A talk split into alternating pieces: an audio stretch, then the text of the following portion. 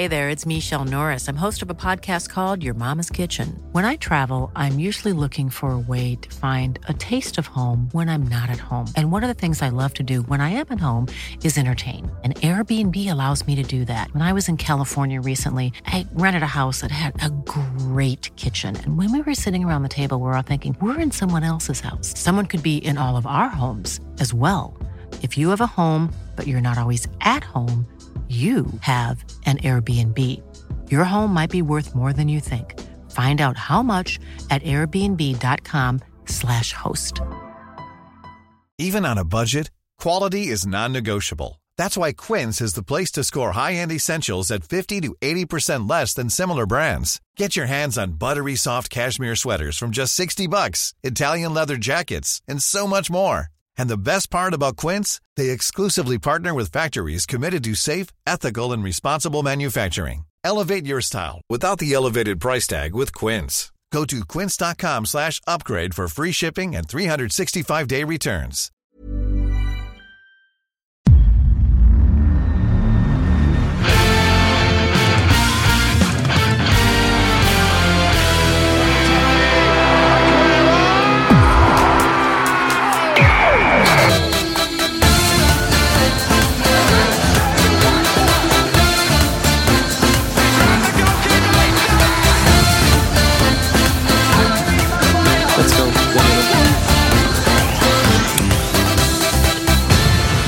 Då säger vi hjärtligt välkomna tillbaka till ett nytt avsnitt av Rule Britannia. Det är eh, söndag kväll eh, den eh, 21 januari. Vi har alldeles nyss sett Liverpool besegra Bournemouth med 4-0. Men framförallt Fabian Jalkemo så har vi sett att makt ligger i våra händer. För dit vi vänder oss på skottmarknaden borta på ATG, där slår blixten ner direkt. Nej, alltså vi, vi pratade ju om förra veckan och för två veckor sedan att vi fuckar systemet. Men den här veckan fuckar vi verkligen systemet. Och eh, Darwin Nunez över 1,5 skott eh, spelades alltså ner. Jag tror att den låg på, vad låg den på? Någonstans 2... 2,40 typ. Var nere på 1,90 kanske. 2,40 när vi spelar på honom idag var vi nere på 1,90. Så det är faktiskt många som, vi ska säga det, att vi gör eh, eh, Rule Britannia tillsammans med våra vänner bort hos ATG och det är många som har hört av sig att oddset har sänkts. Så det är ju så, vilket även står när vi pushar det här, att det är rörliga odds. Och just bort, eh, eh, skottmarknaden är en mindre marknad och där liksom när vi, när vi väljer att rygga den här så har det spelats ner. Så det vi kan rekommendera er att göra med den här formen vi har, den är, den är sanslös. Vi har tre av de fyra senaste eh, som har suttit och vi har Brighton kvar att jobba imorgon måndag för att sätta den här som uppe, var uppe på 7,50 odds då både Brentford har suttit och Darwin Nunez inte bara gjorde ett och ett halvt eh, skott på mål, han gjorde även två mål. Så det är liksom att sätta ja, men notifikationer på våra tweets. Det är inte sån jävla, eh, sån jävla aktivitet på tweeten på, runt torsdagar, fredagar där. Så det gäller att rygga fort för det, det, det är sånt där som kan ske och det betyder bara att vi gör något bra, vilket är jävligt kul. Och det är kul att många ryggar för att spelet sänks tyder på att många ryggar våra spel helt enkelt. Ja, men så är det ju. Vi hade ju förra veckan eh, Isak målskytt, Palmer målskytt, Richarlison målskytt, Nunes, han litar vi på denna helgen. Målskytt, Doppietta direkt. Eh, Det, alltså, det kommer ju vara spelare som börjar höra av sig till oss. Kan ni inte ta in mig i skottspelet nästa helg? Jag vet inte vem ska vi... Är det dags för Anthony? Över 1,5 nästa. Ja, kanske. Alltså, vem kan lyssna på? Alltså, Dejan. Alltså, vi, vi, eh, vi hade ju med oss Vitaminbo L förra veckan och den här nya Dejan-tävlingen som vi såklart rekommenderar alla att vara med i. Kan Dejan kanske lyssna och liksom be oss spela på honom? Det, det är ej dumt. Hjalmar, liksom Burnley behöver ett litet uppsving och Hjalmar det startade senast och Hjalmar kanske hör av sig. Vem vet? Det, det känns som att vi egentligen har en för bra segway för att inte missa den. Att gå till Ivan Tony när vi pratar spelare som hör av sig till spelbolag. Men eh, vi, vi ska först säga det att man såklart ska vara 18 år fyllda om man ska spela på eh, all form av eh, fotbollsbetting. Och eh, skulle man ha problem med spel, då finns stödlinjen.se. Men eh, som du sa, just nu så har vi satt eh, två av tre ben i helgen hans eh, trippel. Den avgörs på Amex eh, Stadium, eh, Brighton Wolves. Brighton med fyra vinster mot Wolves på de fyra senaste. Så det ska väl bara göras jobbet där i den femte och så bockar vi in då en fjärde av fem tripplar här senaste månaden. Ja, nej, det, det, tror jag verkligen. Och innan vi går på, det är ganska nyligen när vi sätter oss här avslutat nere på sydkusten där Liverpool hängde ut. Nej, men de hängde fan ut en rejält. Jag är, jag är otroligt jävla imponerad. Vi ska komma dit, men lite, lite kallprat innan som jag tycker är ganska trevligt. Har du haft en trevlig helg, Robin Bylund, min kära vän? Jag har haft en väldigt trevlig helg. Jag, jag hade ju en, eh, en tidig uppsyn. Vi eh, gjorde Tutto Live Weekend i, eh, i lördags tillsammans, du och Thomas Wilbacher. Och jag var uppe i Stockholm redan fredag tidigt för lite andra äventyr i storstaden och fick en fin fredagskväll där uppe innan vi sen då plockade, ja men, plockade ner lite av det som hänt i veckan och blickade fram mot mycket av det som väntade i veckan tillsammans. Och, vi hade ju, alltså, lördag vi hade tillsammans tillsammans, den var ju, den var ju briljant. Den var, den var ju nog helgens eh, höjdpunkt så här långt egentligen. Ja, nej, men, nej, men verkligen. Nej, det var, det var väldigt, eh, väldigt trevligt. Och, eh, ja, men fan, det har, alltså, man har klagat på förhand på de här liksom uppdelade omgångarna. Det är klart att det inte är optimalt, men det har varit lite mysigt. Man har typ uppskattat fotbollen. Ibland tycker jag att liksom, när, när det är alltså så här, fem, 16 matcher och liksom det är utdraget över tre tider. Det kan liksom kännas att det trycks i. Du, känner, du, du liksom känner krav på dig själv att du nästan måste kolla så att du uppskattar inte. Nu har det liksom kommit bra United-nyheter den här veckan som har gjort att jag, jag har sluppit äh, äh, liksom, frustrationer för att se United-spel och sen kommer det bra nyheter liksom, klubblednings och vd-mässigt som vi ska prata om senare i podden. Men det har liksom varit att man, ja, men man kan uppskatta en Sheffield United, West Ham mer än vad man kanske gjort om det hade varit tio omgångar. Så jag, jag tyckte att det har varit två ganska mysiga veckor. Sen är det såklart väldigt skönt att det är över, att vi nästan går tillbaka till normalt nästa vecka när det är FA-cupen. Men eh, man, man är taggad ja, på att det drar igång, men man har uppskattat det. Ja, ja, jag, så här, jag har ju uppskattat, alltså livspusslet har ju uppskattat det. Det har ju varit ett, det har varit, alltså, det har varit ett enklare liv de senaste veckorna. Men eh, alltså, lite pyspunka generellt på januari ändå tycker jag med tanke på att vi, vi inledde januari med eh, fa Cup-helgen. Sen då en uppdelad Premier League-omgång över två helger och sen fa Cup igen. Det, för min del har det varit för lite riktig Premier League-action liksom, och eh, ah, lite för slött. Sen är det ju, alltså så här, med tanke på att det är afrikanska mästerskapen, det är asiatiska mästerskapen. I Liverpools fall, om jag bara går till vårt lag, så är det en hel del skador. Så det är väl rätt så gött och rätt så välkommet att det har sett ut som det har gjort. Då har vi ändå kryddat det och kommer krydda det med ytterligare en ligacup-semifinal. Men äh, lite pyspunk ändå efter att man liksom växlade upp i, äh, i mellandagarna, julfotbollen. Vi satt fram var varannan dag kändes det som nu nu hinner jag ju nästan sakna dig och det, det gillar jag inte. Jag, jag, jag, jag vill inte sakna dig. Nej, jag, jag, vill att du bara är en konstant i mitt liv. Jag behöver inte reflektera så mycket ja. över var du befinner dig egentligen. Ja, nej, FA-cupen ska bli riktigt tråkig. Alltså United, vad fan fick vi ens? Eh, Islay, Newport. Fan, Newport, exakt. Newport, New, Newport borta. Så det är jätterolig bortamatch för supportrarna som fick biljett, men annars mardröm. På tal om något helt annat.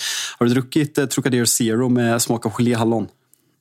Nej, och jag, jag känner på mig att jag aldrig kommer... Nej, jag, sitter, jag, sitter, jag, sitter, jag sitter där och köpte med mig en hem. Otrolig. på, när jag var på uh, Bromma igår skulle flyga hem från, uh, efter att vi hade gjort uh, Tutto Live Weekend. Då, då däremot hade de ju halva priset på hela julsortimentet. Så då var, fanns det en Trockamust, hette den. Så ah. en Trocadero julmustblandning. Det känns som något sånt skit du hade suttit och pimplat i dig. Ja, men den har jag absolut testat. Den kom faktiskt redan förra året. Så det här är ju liksom en ny tappning så att de fortsätter att blanda. Trockamusten är ja, men en tvåa, svag trea. Här är vi ändå landar på en, på en stark fyra på geléhallonen tycker jag. Så Trocadero gör mycket rätt nu. Trodde du att vi skulle sitta och prata Trocadero-samarbeten med olika sökiga saker innan vi kom in på Liverpool? Eller? Nej, men alltså jag, jag, tror att folk eh, uppskattar att kunna mentalt förbereda sig innan jag ska gå på om Liverpools otroliga prestation mot det så upphypade Bournemouth.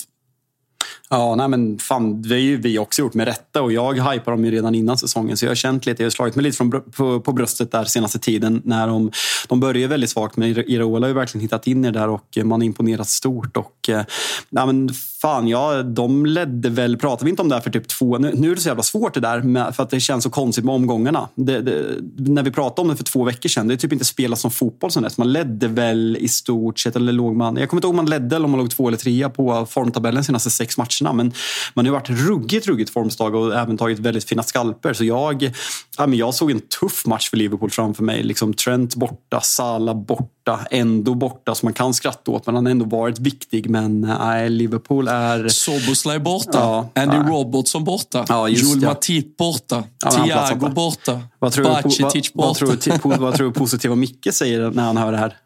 Fan, det går att spela fotboll med spelare borta det, det går att spela fotboll med ja. spelare borta. Man kan plötsligt slänga in Conor Bradley istället för världens bästa högerback. Och så visar det sig att vi har världens näst bästa högerback i truppen också. Det handlar bara om hantverket tränaren måste stå för för att det ska fungera. Visste man vem han var innan han hoppade in mot Arsenal i FA-cupen?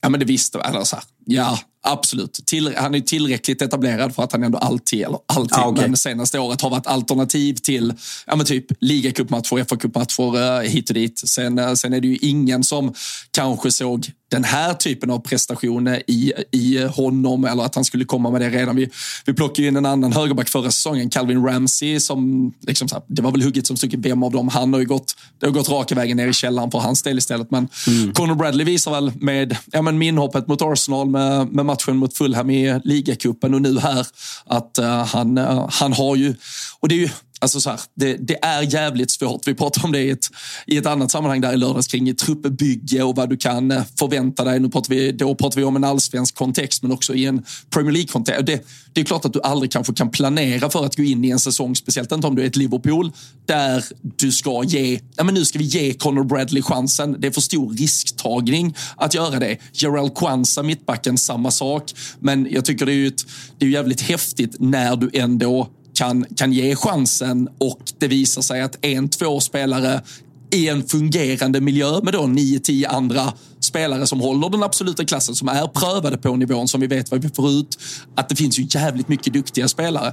Det, vi pratade Kobe Maino i ett annat sammanhang. Nu är det ju ett dysfunktionellt Manchester United och därför blir det ju inte riktigt rättvist. Vi kan bara se tendenser, men nog fan hade han om det hade varit i ett Liverpool eller i ett City. Med de kvaliteterna de här unga spelarna ändå kommer upp med. Det är klart att de, de ska ju ändå finnas där. Jag tycker det är viktigt nog ändå att lag visar på truppstyrka i att kunna blanda i alla fall sin bänk med tre, fyra såklart på pappret väldigt starka spelare, men också att ha de här unga och att ge dem chansen när de väl... För det är många som ändå visar sig, tycker jag, i de största lagen att de hanterar det när de får chansen. Men det där tycker jag är häftigt. Alltså, om vi tar Liverpool och Manchester City som exempel. Alltså Ricky Lewis är väl liksom praktexemplet i, i Manchester City. Oscar Bob liksom till viss del, han har inte spelat tillräckligt mycket. Men Liverpool har haft Alltså Curtis Jones är en sån spelare som jag alltid har tagit som ett exempel. Liksom, skulle Curtis Jones... Nu, nu har han liksom gjort en bra säsong i år, absolut. Men om vi tar den spelaren Curtis Jones har varit inför den här säsongen.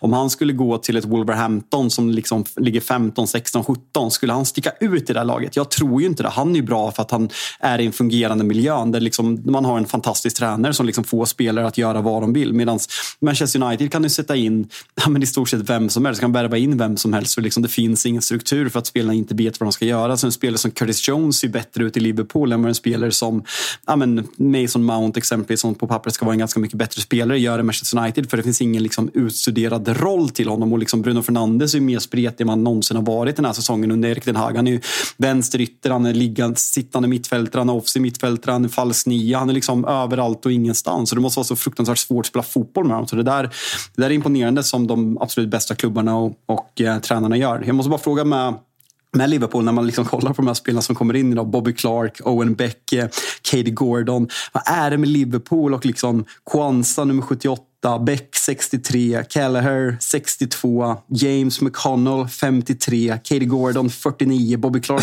42. Vad är det för jävla nummer?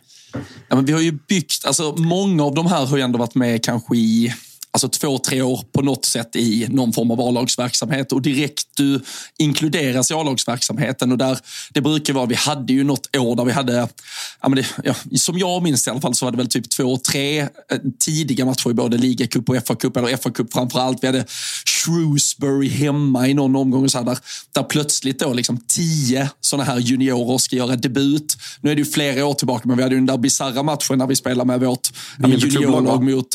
Ja, men precis. När vi spelade med juniorlaget mot Aston Villa. Och då plötsligt blev det ju en jävla drös ungdomsspelare som ändå behövde tryckas in i, ja, men på pappret A-lagsverksamheten och få ett, ett officiellt nummer. Och många av dem fick ju då de här, ja men det var 63 hit och 78 dit och, och allt möjligt skit. Och sen, sen har man väl ändå känt att du ska nog etablera dig som typ mer eller mindre ordinarie i det här laget innan vi fnular på att byta tröja. Det hade väl Harvey Elliott var väl inför förra säsongen. Han gick från 67 till 19 tror jag. Eh, och vi har, vi har sett det på ett par andra spelare. Men normalt sett så du får förtjäna ett, eh, en, en tröjförändring eller nummerförändring. Så eh, vi, vi kommer nog kunna se ett par spelare till med de här ja. skyhöga numren. Ja, nej, nej, men det, det, är vanligt. Men om, om, vi går till matchen då. Vad är känslan inför med... Ja, men, alltså, kollar man på laget, alltså så, så jag sa att Salo ändå var de som missade, men liksom, Joe Gomez som vänsterback, han har ju liksom varit uträknad i, efter korsbandsskadan så har han varit uträknad både som mittback. Han har inte riktigt hållit när han har vikarierat för, eh, för Trent Alexander-Arnold som högerback. Nu har han gått in och liksom vikarierat för Tsimikas efter efterhand som det var nyckelbenet eller vad det var. Eh, eh, så han har gjort det jättebra. Bradley går in där, ett centralt mittfält med McAllister, Harvey Elliott, Curtis Jones. Alltså det, det är inte tokbra på pappret man möter ett bra Bournemouth. Vad är det som gör Liverpool så fruktansvärt eh, jävla bra just nu? Alltså, framförallt så tycker jag väl att eh, vi, eh, vi, vi som kollektiv är så extremt, eh, extremt alltså, jag menar så, presståliga. Jag tycker inte vi är, vi är inte jättebra i första halvlek. Vi är väl direkt svaga kanske första 15-20 och kommer inte riktigt ur, eller vi, vi, vi låter någonstans, eller Bournemouth förtjänar det genom att de spelar bra. De kopplar ju grepp av det, men vi står, jag tycker ändå vi, vi står, alltså nu när vi är lite dåliga eller nu när vi inte riktigt får saker och ting att funka så tycker jag ändå vi står upp och står emot jävligt bra. Och vi vet också att även om Liverpool är ett roterat lag, saknar spelare så är det fortfarande 11 spelare, 11 mot 11 mot Bournemouth som till i stort sett varenda position och på varenda spelare så är vi ju bättre individuellt om, om vi bara går ut och vinner våra matcher i matchen så att säga ändå. Och äh, jag tycker att Liverpool har, ja, men har visat, alltså framförallt går vi till, tittar vi statistik på, på andra halvlekar och går vi ännu senare in i matcherna så, så måste vi vara överlägset bäst. Så vi, att vi, vi står ju hela tiden upp, vi står hela tiden emot och äh, då har vi ju visat att äh, vi, vi, vi till slut genom att göra det bryter ner lag. Så jag, jag tycker att här är det ju faktiskt en, en defensiv riktigt bra insats. Alltså, Konate, van Dijk står emot Solanke fullständigt. Alexis McAllister som man kanske stundtals i höstas ifrågasatte som en ensam sexa. Kommer det fungera? Klopp pratade efteråt. När Liverpool är bra och kompakta, då finns det nog ingen bättre sexa du kan ha för då är det ju passningsspelaren, då är det de små, mm. de, de, små vändningarna, vända ut och vända ur press och ta sig loss med kanske den första lite längre krossen när det behövs. Då är han ju helt briljant. Det är klart att han inte kan vinna liksom ett sjöslag mot Rodri där det är liksom en fight över hela matchen. Det är en annan typ av spelare, men i den här matchen när vi är så bra kollektivt och tajta så, så visar ju McAllister att han fungerar briljant där och, och direkt vi väl straffar Brian, eller Bournemouth så, så visar ju de sig att när de måste trycka på lite. Det var ju faktiskt också ett Bournemouth som, vad saknade de? Tre och fyra ordinarie i försvarslinjen. Det är ofta att man är lite... Vilket, vilket syns på målen måste jag ändå säga. Exakt, man, alltså. ser ju det i, man ser ju det i slutändan och man kanske är ibland lite, ja, men överse, man, man ser inte riktigt noggrant på vissa laguppställningar när vi pratar lagen på den nedre halvan. Man, man ser lite som att det är väl skitsamma om det är spelare X eller spelare Y. Men det är, klart det är typ tre spelare man fokuserar på. Liksom om Solanke är borta är klart man pratar om det, men liksom om, en, eh, om en andra mittback i, i Bournemouth är borta, då är det så här, ja, ja, ja så Nej. är det. Nej, och, och, och, jag, och framförallt när vi gör, det, jag tycker det är extremt fint hur vi spelar oss fram till, det är, det är li, lite sovjetisk hockey i alla fall när vi spelar upp den eh, till Jota, han sätter den till Nunes och Nunes lägger in den. Liksom. Så det, och från där, när Bournemouth måste öppna upp sig eh, lite mer, då, då, kommer vi ju, då kan vi dessutom koppla på det grepp som är någon form av omställningsspel. Så då, då, då tycker jag vi promenerar hem det rätt rejält. Det, det, var, väl, det, var, det, var, väl, det var väl bara domaren som, som tyckte att vi skulle få fortsätta förnedra dem när han låg på åtta minuter. Nej, men, alltså, det, är, det är ju hål i huvudet. Alltså, så här, straff, Jota straffsituation, Klöiverts sträckta ben och eventuella röda kort. Alltså, det, det är ju liksom missar. alltså, att han lägger på åtta minuter är ju mer hål i huvudet. Alltså, vad fan är det? Kom ihåg, är det EM-finalen när Spanien möter Italien och leder med 3-0? När man ser liksom Casillas så här bara blåsa av. Blås av. Blå, alltså, det är typ fem minuter tillägg och efter två han bara blå, blås av. Alltså, så här, det, det, här är ovärdigt. Så, men för, för bara, man, man, liksom, att vi inte bara ska fastna i att liksom, ösa berömmer Liverpool, vilket de såklart förtjänar den här matchen, det är inte så jag menar, men liksom för att liksom bredda diskussionen lite. Vad nu när man får lite distans till det, eh, nu när vi är liksom halvvägs in i den här säsongen och ni visar att förra säsongen var en plump. Vad, vad, hur, vad är din analys att, att Liverpool två gånger under Jürgen Klopp har gjort de här ja, men praktusla säsongerna? Första gången är det väl, går det väl att argumentera ganska mycket med liksom mittbackskadekrisen, hur viktig van Dijk var. Men förra året, alltså hur, hur är det möjligt att man kan vara så fruktansvärt dåliga? Eh, att man kan gå från att vara nära på att vinna en kvadrupel och vara usla för att sen, ja, men för att sen vara så här bra igen. City när de är dåliga kommer ju tvåa. Jo, men City spelar Nej, heller vet, inte i, de spelar inte heller i sönder ett mittfält med Fabinho, Jordan Henderson och James Milner till slut för att eh, de är romantiska. Alltså helt nej men Förra året var det ju mittfältet rakt av. De, delvis var det ju faktiskt mittfältet även den gången när vi egentligen, vi fokuserar kanske på mittbacksskadorna som kom för, är det då tre, fyra säsonger sedan. Men där det egentligen snarare var att mittbacksskadorna ledde till en dominoeffekt där vi ibland fan hade Jordan Henderson som mittback, vi hade ibland Fabinho som mittback. Där de faktiskt där och då fortfarande trots allt var riktigt bra mittfältare. Men då hade vi istället ett riktigt svagt mittfält och så vann vi aldrig några mittfältsmatcher. Det var ju en säsong vi till slut räddade upp lite av att vi faktiskt valde att spela just mittbackar som mittbackar. Williams och Nat Phillips, hur dåliga de än är i förhållande som fotbollsspelare. Men då fick vi ju tillbaka ett mittfält och förra säsongen, då hade vi ett mittfält som gick helt på knäna. Fabinho orkade inte, Jordan Henderson orkade inte, James Milner orkade inte. Mycket skador därmed. Vi kunde aldrig använda oss av Thiago i stort sett. Så eh, det var ju, ja, båda gångerna tycker jag det handlar om mittfältet. Och nu ser vi återigen ett Liverpool, om det då är Klopp 2.0, som har ett mittfält som fungerar. Där Curtis Jones har blommat ut, där McAllister har varit riktigt bra, där ändå har varit riktigt bra, där Soboslay inledde säsongen riktigt bra. Vi snurrar just nu igen på, när alla är tillgängliga, fyra, fem riktigt jävla bra mittfältare. Och det, nej, fan, jag, har, jag orkar inte. Nej, jag mår så det dåligt. Är ju, nej, jag mår så dåligt. Du, du vill ha analysen, här har du den serverad. Nej, fan. Det, ja, så enkelt är det. Så enkelt är det. Men, uh, två, du, frågor till. Fan. två frågor till. Ja, ja, ja, men jag, jag har en först. Jag har en först. Ja, kör. Hur, eh, vad, eh, vad, vad sysslar du och Paul Tierney med i varummet idag? alltså, ska, vi, ska, vi, ska, vi lägga på, ska, ska vi lägga på en modslinga här så får du prata om domaren i två minuter? Nej, nej, jag kommer inte göra det. Framförallt inte när vi vinner, då orkar jag inte. Men, uh, men det, det, alltså det röda kortet så här. Jag, eftersom jag egentligen tycker att andra situationer där det har blivit rött kort kan man Det är sjukt att han inte ens tar en frispark. Det är sjukt att han själv inte tar ett gult kort. Det är väl en sak. Kan köpa att man inte går in och tar ett rött. Men Diogo Jota, när han kommer igenom helt alltså i full fart och får ett ben utsträckt. Det är, och att de inte bara tar, alltså bollen går ut ganska snabbt efter det, är någon hörna eller någonting. Ja. Att man inte kallar ut och tar det. Den är mer fel. Den är mer tydlig. Alltså så här, det här med de här sträckta benen. Alltså så här, alltså jag, jag, hade, jag hade verkligen köpt ett rött kort. Alltså jag hade verkligen köpt det. Det är liksom en vårdslös tackling. Sen blir han lite knuffad in i situationen så att det blir lite... Det, det, går att liksom skylla på det. Men att de inte... Jag vet att de kollar alla saker men att de inte liksom kör upp det och kollar mer noggrant. Det tycker jag är lite konstigt för det är en väldigt vårdslös tackling. Men Jota säger ju det är straff. Alltså det är solklar straff. Och det som blir så som man i alla fall har tolkat, vi behöver inte fastna i situationen eh, som sådan, men det, så man har tolkat det är ju egentligen att vardomaren ska ju typ kommunicera till huvuddomaren att har du, eh, såg du situation, förklara situationen och så ska han ju typ säga, jag såg att det var en sula uppe men jag bedömer det som att han blev lite knuffad och därför vill jag inte att det ska vara någonting. Alltså de, han måste ju visa vardomaren att han har sett det, eh, tagit ett beslut på det. Men med tanke på att han inte ens tar en frispark, inte ens tar ett gult kort, så kan han ju inte ha sagt till varummet, jo då, jag såg att det var en sula stenhårt upp på ankeln, men jag tyckte det var en liten För då skulle det ju ändå i alla fall vara en frispark, så han måste ju ha missat det. Och då borde ju domaren, eller varummet i alla fall tycka, fan kom ut och kolla på det. Sen får han ju ta bedömning. Sen kan han tycka att det var en knuff eller att det är något annat eller att han viker undan det lite, vad som helst. Det kan jag, fine. Men att han inte får titta på den är väl, är väl lite märkligt. Skit i det nu. When you're ready to pop the question, the last thing you want to do is second guess the ring.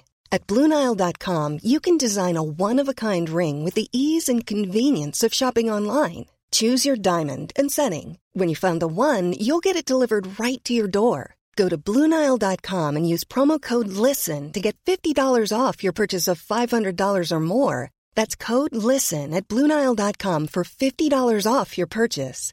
Bluenile.com code LISTEN. Hey there, it's Michelle Norris. I'm host of a podcast called Your Mama's Kitchen. When I travel, I'm usually looking for a way to find a taste of home when I'm not at home. And one of the things I love to do when I am at home is entertain. And Airbnb allows me to do that. When I was in California recently, I rented a house that had a great kitchen. And when we were sitting around the table, we're all thinking, we're in someone else's house. Someone could be in all of our homes as well. If you have a home, but you're not always at home, you have an Airbnb. Your home might be worth more than you think. Find out how much at airbnb.com/slash host. Burrow is a furniture company known for timeless design and thoughtful construction and free shipping, and that extends to their outdoor collection. Their outdoor furniture is built to withstand the elements, featuring rust-proof stainless steel hardware, weather-ready teak, and quick-dry foam cushions.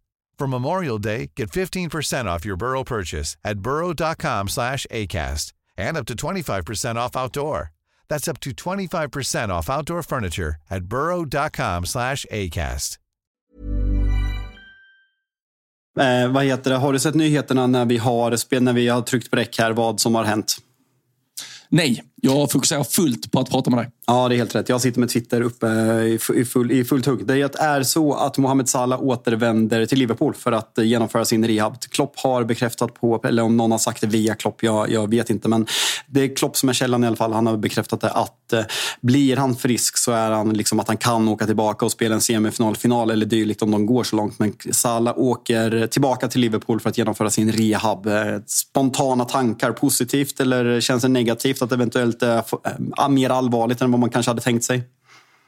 Nej, så pratas det om att han eventuellt skulle kunna åka tillbaka på en, på en semifinal. Eller då är det väl ändå bara två, tre veckor till han är i, i fullt slag och där hade man väl ändå uh, ja, eh, misstänkt att han skulle missa redan när han stack iväg. Sen har ju däremot efter uh, en och en halv match, då lite drygt innan han sätter sig ner i det där gräset, så kände man ju snarare att det var ett Egypten som skulle åka ur redan efter gruppspelet och Mohamed Salah skulle komma frisk hem redan faktiskt uh, till helgen. Och så har vi FA-cupen som han hade kunnat vila och sen hade han varit redo helgen efter.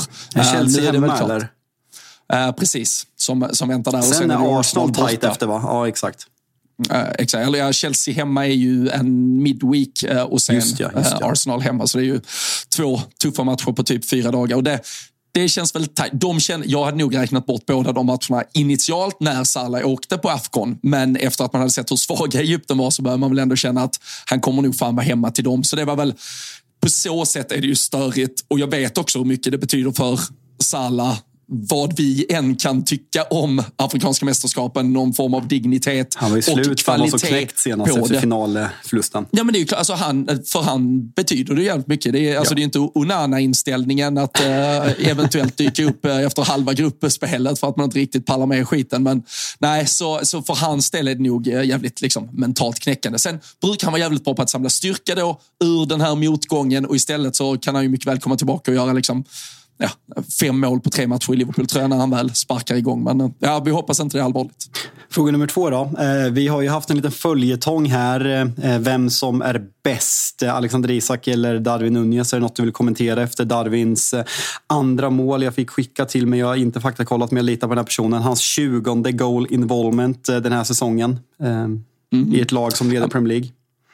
Ja, nej, 10 plus 10 på, på 31 matcher. Eh, han var väl första eh, Premier League-spelare, så det är ju alla kupper inkluderat så att säga. Men han var väl första Premier League-spelare den här säsongen att komma upp eh, i 10 plus 10, tror jag, kanske. Nej, jo, nej, Salah är väl inte uppe på det heller. Nej, första som är uppe på 10 plus uh, 10.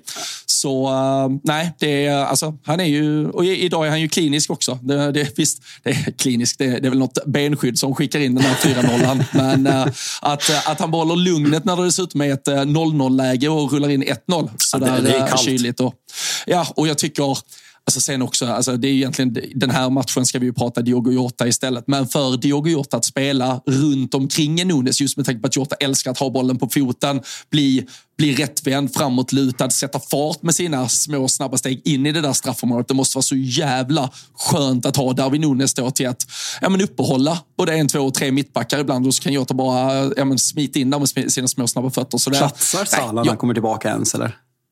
Alltså det, det kommer att vara så brutalt. Vi, kommer, vi kan växla eh, Jota och Nunes, vänster, mitten, Salah höger, Luis Diaz som inhoppar istället. Det, ja. nej. Alltså du, nej, Ni kan ta honom på lån kanske, ja. Luis Diaz. Nu ja. går vi vidare. Jag orkar inte mer. Det gör vi. Eh, Tony, comeback. Eh, jag såg att Nottingham ska skicka in, eh, vad heter det här jävla PG bollgolv pisset. Ja.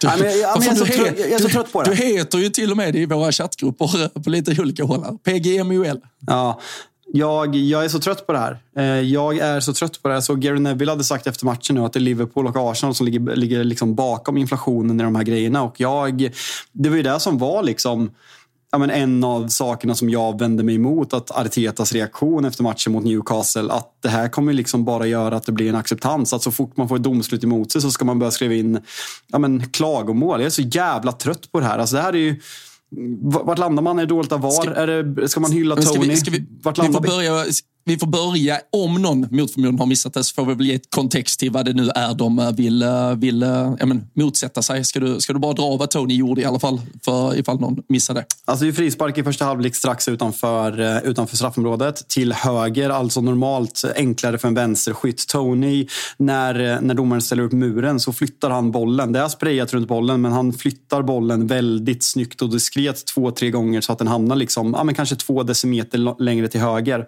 Och sen så så skruvar han in den ja, men till höger om muren så det ser ut som att, eh, som att målvakten har, ställt, alltså, har fått hjärnsläpp när han har ställt ut, upp muren. För det är, liksom, det är, en, det är ett ganska enkelt, det är snyggt men det är ett enkelt mål han gör. Och liksom man bara, vad fan, hur står den där muren egentligen? Sen liksom, så ser man att han har flyttat bollen två, tre gånger och det här har alltså Nottingham skrivit in och eh, överklagat eller liksom vill ha en förklaring och en, och en ursäkt eller omspel eller jag, jag vet inte fan vad man vill. Jag orkar inte. Jag är så trött på det. Ja, men, acceptera att domare kommer döma fel. Jag är så trött på det här jävla skiten. Såg du förresten stillbilden? Nu vart jag väldigt glad att Gabriel gjorde mål för jag satt på honom i fantasy. Men såg du den här stillbilden? Eftersom Arsenal-fans jobbar i stillbilder. När, alltså i duellen med eh, alltså duellen före målet? Ja, eller? Nej, men alltså när han ja. nickar in det. Det är, det är två det är ryggsäck. Alltså det är, det är två armar som trycker ner liksom på, på axlarna. Det är en duell. Alltså lik den som Joel Linton hade när han nickar mot Gabriel som, som drabbas där. Och liksom eftersom ska fotboll spelas enligt stilbilder för vissa, då ska det väl göra det för andra. Men jag har inte hört Arteta säga någonting om det här målet eller liksom suttit och säga att domarna är disgrace eller vill ta en förklaring på att man fick ett mål på det här sättet. Det är så Nej, fan. Förlåt Arsenal-supportrar. Det var inte meningen att gå på er. Ni var, vi ska komma till er match. Ni var jätteduktiga. Vi, vi ska komma där. Och Pierre fyllde år i helgen och vi ska skicka grattis till honom och, och allting. Jag, jag, jag är imponerad av Arsenal. Jag fick liksom mycket FBL-poäng också. Så det var inte det som var summan. Men Klopp och framförallt Artetas reaktioner har startat det här och det var det som jag var rädd för. Jag är jättetrött på det. Fast rädd för, alltså, och, och så här, nu, nu, blir det ju nästan som att jag då tar någon form av uh, Liverpool, uh, allt för mycket Liverpool-försvar som egentligen inte är menat på grund av något supporterskap. Men Liverpool fick ju, alltså det som jag hände kör, Liverpool okay, jag köper i, i Tottenham. Jag, jag de, de behövde, det, det, var ju inte alltså det var ju klubben behövde ju ändå få en förklaring. Alltså vi tittar här och det var en solklar offside, eller onside som ni dömer bort för offside. Klart de var tvungna att skriva dit och undra vad fan det var som försiggick. Och det, det visar ju sig också att det var fullständigt fel.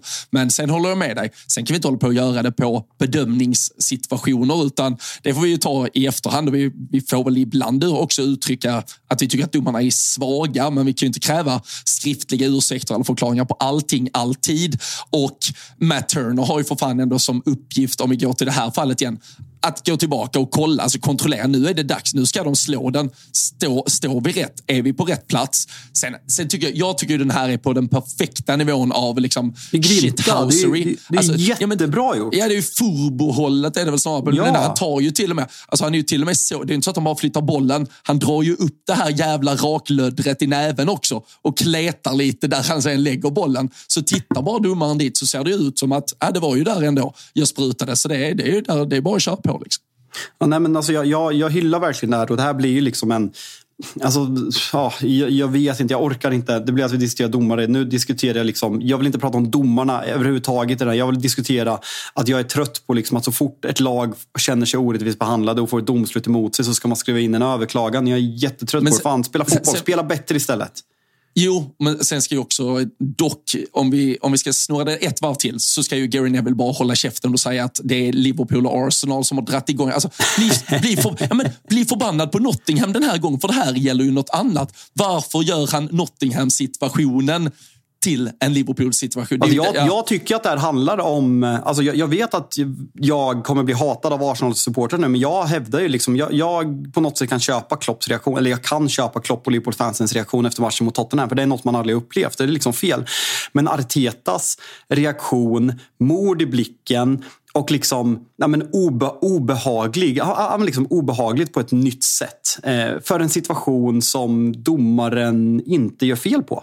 Och att, Liv, att Arsenal går ut och skriver ett statement och backar Arteta. Alltså jag, det, det, där är på något sätt starten som gör att det blir en acceptans bland de andra klubbarna. Jag, jag kan inte landa i något annat. Så jag, jag sa det redan då som ett av argumenten till att jag hade väldigt svårt att förstå varför han gör det. Och liksom Arsenal-supportrarna som liksom ställer sig som en sekt bakom Arteta och försvarar liksom statementet och all, allting. Liksom ska, ska Nottingham skriva ett statement nu? Att liksom de känner sig förfördelade? Vart går gränsen? När, när ska statement skriva? När ska det inte? Liksom, det här var starten på något som måste få ett slut. För så här går det inte att få. Liksom, det är nästan Ja, men skriver man en överklagan, och liksom, eller, det går inte. Va, va, va, vad vill man få ut med överklagan? Alltså, vad, vad, alltså alla ja. ser att det är klart att, att Tony gör ett regelbrott. Alla ser det. Va, vad vill de? Vill de ha? Förlåt, Nej. domaren såg Nej, inte. Det... Varummet såg det inte. Va, vad vill de? Nej, men också, det, det, finns ju till och med, och sen kan man ju tycka då att, att sånt är tramsigt, men så fyrkantigt är ju liksom regelverket utformat. Det finns inget ens VAR kan göra där, för de får inte lov att gå in och på, eller eh, ja, de får inte styra eller ha någon eh, sägning kring igångsättande av spel som liksom en frispark eh, ligger så. under. Ännu det, det är domare, domaren på planen, han missade, han såg inte det. Det finns inget vi kan göra. Det finns, alltså, nej, så det, som du säger, det, där kan man, det är bara att lägga ner direkt. Det är bara att lägga av. Och jag tycker tycker i alla fall att uh, vi istället ska fokusera på hur usel Matt Turner är som, som låter den där grejen. Jag, jag, ska, jag har suttit ändå, fanns, sett mer Nottingham än vad man borde de senaste veckorna. Och uh, han, uh, alltså jag, jag tycker han är så jävla uh, sprattig. Sen gör han ju direkt också i den här matchen, han gör ändå någon sån här helt sjuk räddning på när de, de dunkar in i ribban som studsar ner på mållinjen och han får, får någon näve på den och så här. Visst, det finns någon, någon högsta nivå ibland som dyker upp, men den, den kommer från ingenstans. Eh, och eh, normalt sett så är det mest bara så jävla uslig. Jag förstår inte hur... Visst, han var ju såklart alltid tydlig tvåa, men att han ens var i Arsenals organisation de här senaste åren.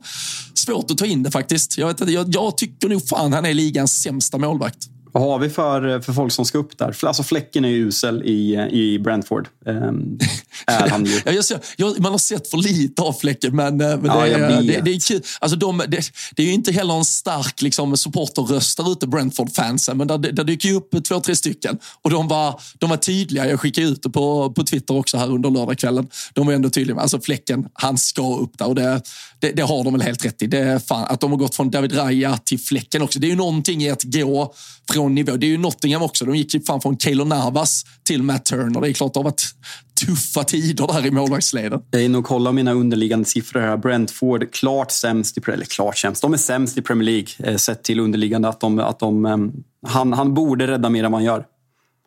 Ja, nej, det, det är väl känslan. Det, Dean Henderson, det är fan ingen karriär som har exploderat sen flytten till Crystal Palace heller. Riktigt svag den här säsongen. Ja, jag tror att jag har sagt det i den här podden, men det var liksom Andy Mitten som äh, men, känd United-journalist som har grundat ett fansite United Withstand. Äh, han sa ju att, liksom, det här vet ingen, men jag, jag, säger det nu för nu har det gått tillräckligt lång tid, men att United hade ett bud på 50 miljoner pund på Dean Henderson från Chelsea innan de tog äh, Mendy. Äh, men United liksom, såg en framtid där när han, det här var ju när han kom tillbaka från Sheffield United, men United nekade för att de såg att han skulle ersätta av de Gea. Så det var, åldrades eh, sådär va?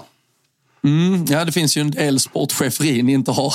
Ni, ni, har inte, ni har inte full pott i sportcheferi de senaste fem säsongerna. Nej, men vilken ändring det ska bli på det nu. Men fan, eh, ja. Brentford, eh, de har ju varit lite kris med liksom vissa skadade, en Boemo skadad, Tony tillbaka, binden på direkt, kokande arena. Men liksom det var en ljusshow som att man var i USA innan matchen. Men Brentford har något. De, de är bra på det där att skapa liksom en jävla, äh, jävla stämning på den, på den där arenan. Och att Tony får den här starten också, att man gör 3-2 i slutet. Jag, jag tror att det på något sätt var vändningen för deras säsong. Jag har svårt att se att de, de blandar in sig. Även om de liksom inte gör en jättebra säsong så är lagen där nere för dåliga.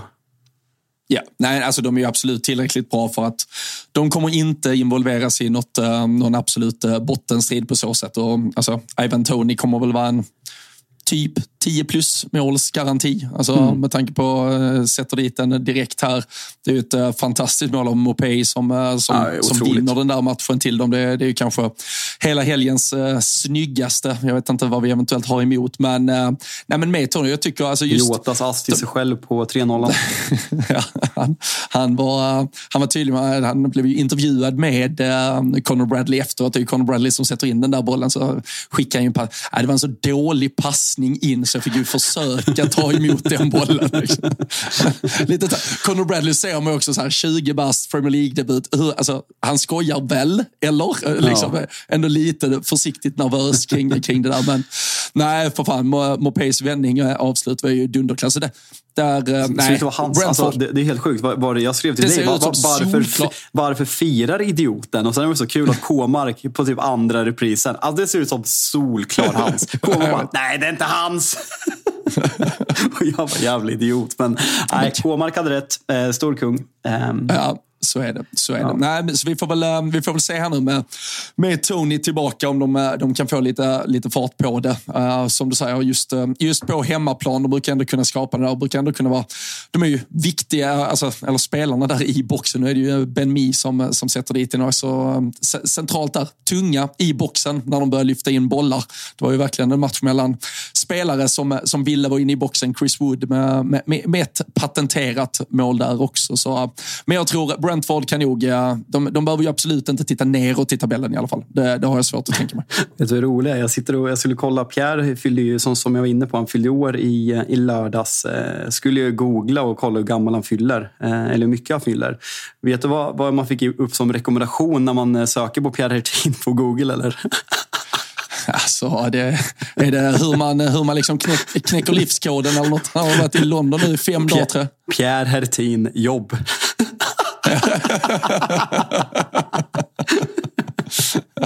Det är faktiskt otroligt. Alltså, folk undrar så mycket så folk sitter och googlar vad Pierre jobbar med för att det är ett sånt stort mysterium. Ja. Och, och, ni behöver inte DM oss, vi fattar inte heller. Vi fattar ingenting. Så det, nej, bara, fan, han, fyller, han, han, fyller 30 nästa år. Blir vi bjudna på 30-årsfesten tror du? Eller? Det, det, handlar väl lite om eh, du eh, ändå kan sansa ditt Arsenal-hat och att Liverpool inte pulveriserar dem här under våren. Ja, det det det alltså jag, jag, förlåt om jag lät arg. Det var, alltså, så här, I grund och botten är det ju inte på Arteta. Det var att han startade lite. I grund och botten är ju hatet den här veckan mot, mot Nottingham. Så jag ber om ursäkt om det, det lät som att det var mot Arsenal. Jag har jätterespekt för Arsenal. Eh, såklart. 5-0 mot Pallas och tillbaka efter ja. en seger senaste sju matcherna innan man gick på ett uppehåll. Ska vi nämna eller trampar jag i klaveret då igen och får folk på mig att Arteta sitter och äter på en köttkniv hos eh, Salt Bay och att eh, eh, Martinelli, som dock kom in och gjorde två mål på övertid, ja, men han satt och poserade med fängslade lejon och tigrar i Dubai. Alltså, har vi inte, har vi inte alltså, kommit... Alltså, så här, jag, låt mig, jag, jag bryr mig inte. Alltså, så här, jag, jag, jag, mig bekommer inte någonting. Men borde inte fotbollsspelare vara lite smartare än att liksom sitta och posera bakom fängslade vilda djur? Jo, men, men tro, alltså, att de I Brasilien borde, kanske man inte bryr sig så mycket. Nej, och jag säger, fan vi behöver inte ens uh, slänga Brasilien under bussen här. Så, så här Borde fotbollsspelare vara smartare? Har, alltså, nej, borde de verkligen det? Finns det något som tyder på att de borde vara det? Utan det, det, de, de lever i en, alltså, en helt annan bubbla verklighet än vad de flesta andra gör. Om vi pratar liksom åsiktsbubblor och, och Twitterbubblor hit och dit. Alltså, världen de lever i, där, eh, där diskuteras inte samma typ av frågor Nej, som eh, nej, vi kan känna att vi kanske tar del av. Så nej, sen, sen är det ju som så här, alltså man, man kan verkligen önska att de är lite små. Alltså, fan, ja, gå och käka på Salt Bay, det är verkligen skitsamma.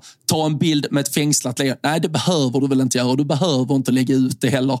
Men eh, nej, det, jag, jag förväntar mig inget annat och jag känner så här i en, eh, en helg efter en eh, väldigt Jordan Henderson-fylld vecka så, är det, så, så kommer de flesta undan med vad fan de än gör egentligen. Så jag bara säga det innan vi går vidare på Arsenal att jag får lite live-nyheter där från Oliver Kay som skriver att Jürgen Klopp har liksom hört av sig till eh, Egyptens, eh, nu sa jag Egyptien igen, fan gör jag det för? Egyptens, Egyptens FA och eh, han vill att Salah genomför sin rehab hemma hos dem. Att det ser ut att bli så men inget är överenskommet så att det blir rätt.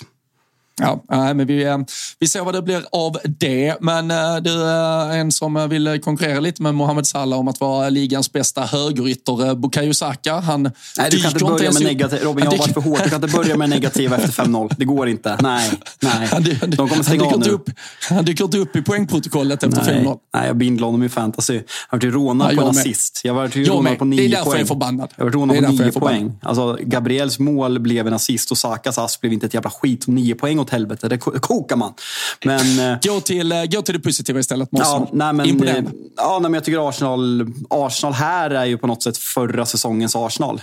Det är jävligt fröjdigt att kolla på. Det är underhållande. Det är en ja, men stabil och solid backlinje. Det är en Sinchenko som kan invertera och det är en Ben White som kan följa med på sättet han gjorde förra året. Det är ett stabilt centralt mittfält. Det är Martin Ödegård som är tillbaka. Det är ja, men offensiva spelare som gör poäng. Det, det är liksom alla frågetecken man hade kring Arsenal. Sen det går såklart att brasklapp att Crystal Palace är riktigt, riktigt dåliga och jag börjar väl landa i, jag är ju liksom om Gary Neville och eh, Jamie Carragher och gänget bort i England som är lite närmre är väldigt att man ska alltid backa tränaren. Så jag är ganska glad på att vara först på bollen med att sparka alla till höger och vänster. Men Roy Hodgson har ju faktiskt ingen framtid att göra i Crystal Palace. Jag såg att Frida Fagerlund eh, bollade upp honom som svensk förbundskapten. Vad eh, tänker du där?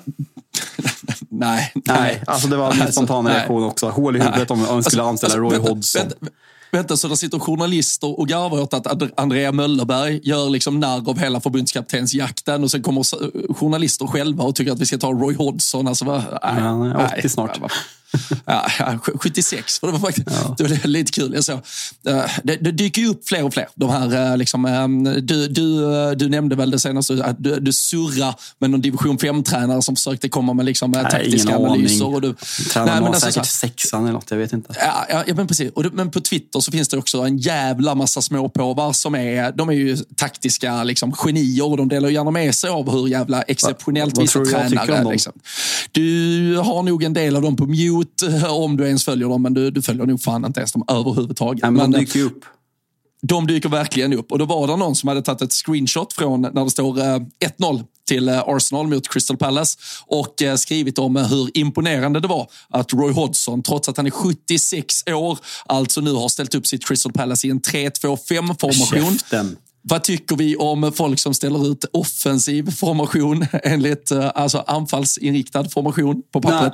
Tycker vi också illa om. Nej, men typ Nej. Där folk som ja, ska, ska sätta upp City startelva och sätter liksom John Stones som central mittfältare och så här en tvåbackslinje. Bara så här, jag, jag kanske är en gubbe. Jag kanske kommer, alltså så här, nya generationer kanske ko- kommer ko- kalla mig liksom 90-talist som ett skällsord för att jag liksom ställer upp en 4-3-3 eller 4-2-3-1. Men va- alltså, man, man kan inte ställa upp en jävla 2-2-4-5. Alltså, nej!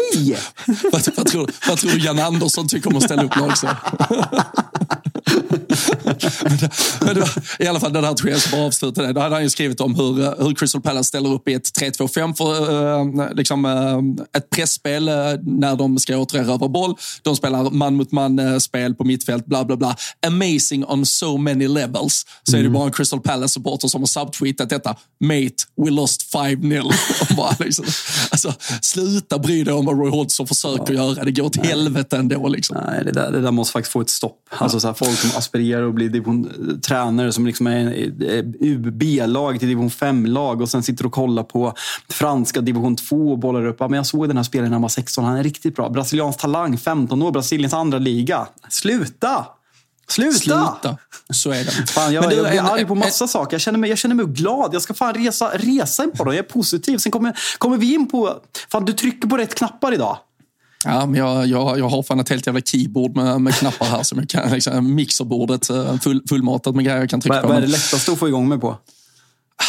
Nej, jag vet inte. Det finns, finns, finns för mycket. Jag ska, jag ska fundera på det. Jag ska göra en topp tre-lista över liksom grejer jag kan få igång dig med. Det, det tror jag. Men, men, men en sak jag, jag tänkte på kring Arsenal och som vi har pratat om och där vi Alltså Martinelli och Saka kanske då, de, de har ju varit i lite sämre form uppenbarligen. Vi har pratat med den där mm. fronttrion. Och så vet jag, vi satt ju och pratade i, i något sammanhang om Trossard. Liksom lite bristen på speltid och så. Och jag, jag tycker den här matchen visar supertydligt att man nog borde ha använt honom lite mer som start, alltså gör, gjort honom till lite viktigare. Det har, det har varit så extremt tydligt att den här fronttrion har varit en fronttrio. Men sen så har de funnit en Trossard långt ner i... Mm. Alltså, växla det mer. Jag, ty, jag tycker, alltså jag, jag har alltid gillat Trossard. Jag, jag håller honom högt egentligen och tror att man kan få ut mycket mer av honom. Och framförallt för Martinelli så otroligt alltså, Nu är ju matchen avgjord. Det är 3-0. Han rullar in två jävla identiska mål i 90 plus. Det är ju ingenting som egentligen förändrar synen på hans prestation över hela säsongen. Men det är klart, det bygger vidare på självförtroende. Det kan man ta med sig in i nästa match och så vidare. Och jag tycker Trossard också, alltså du, du får ut mycket mer av att göra båda två en, nästan en tjänst i att liksom skaka om det lite. Jag tycker Trossard är riktigt. Jag älskar ju 3-0 målet. Det, där, det är ju bara cred till, till Raya hur han sätter igång spelet. Ja, eh, Jesus som mål. hittar honom och, och Trossard så extremt kylig. Den, den gör han ju gärna. Man ser hur han liksom ja. jobbar, jobbar. Hela minspelet är bara okej, okay, jag ska ta ner dig i backen, sen ska jag dunka in den här.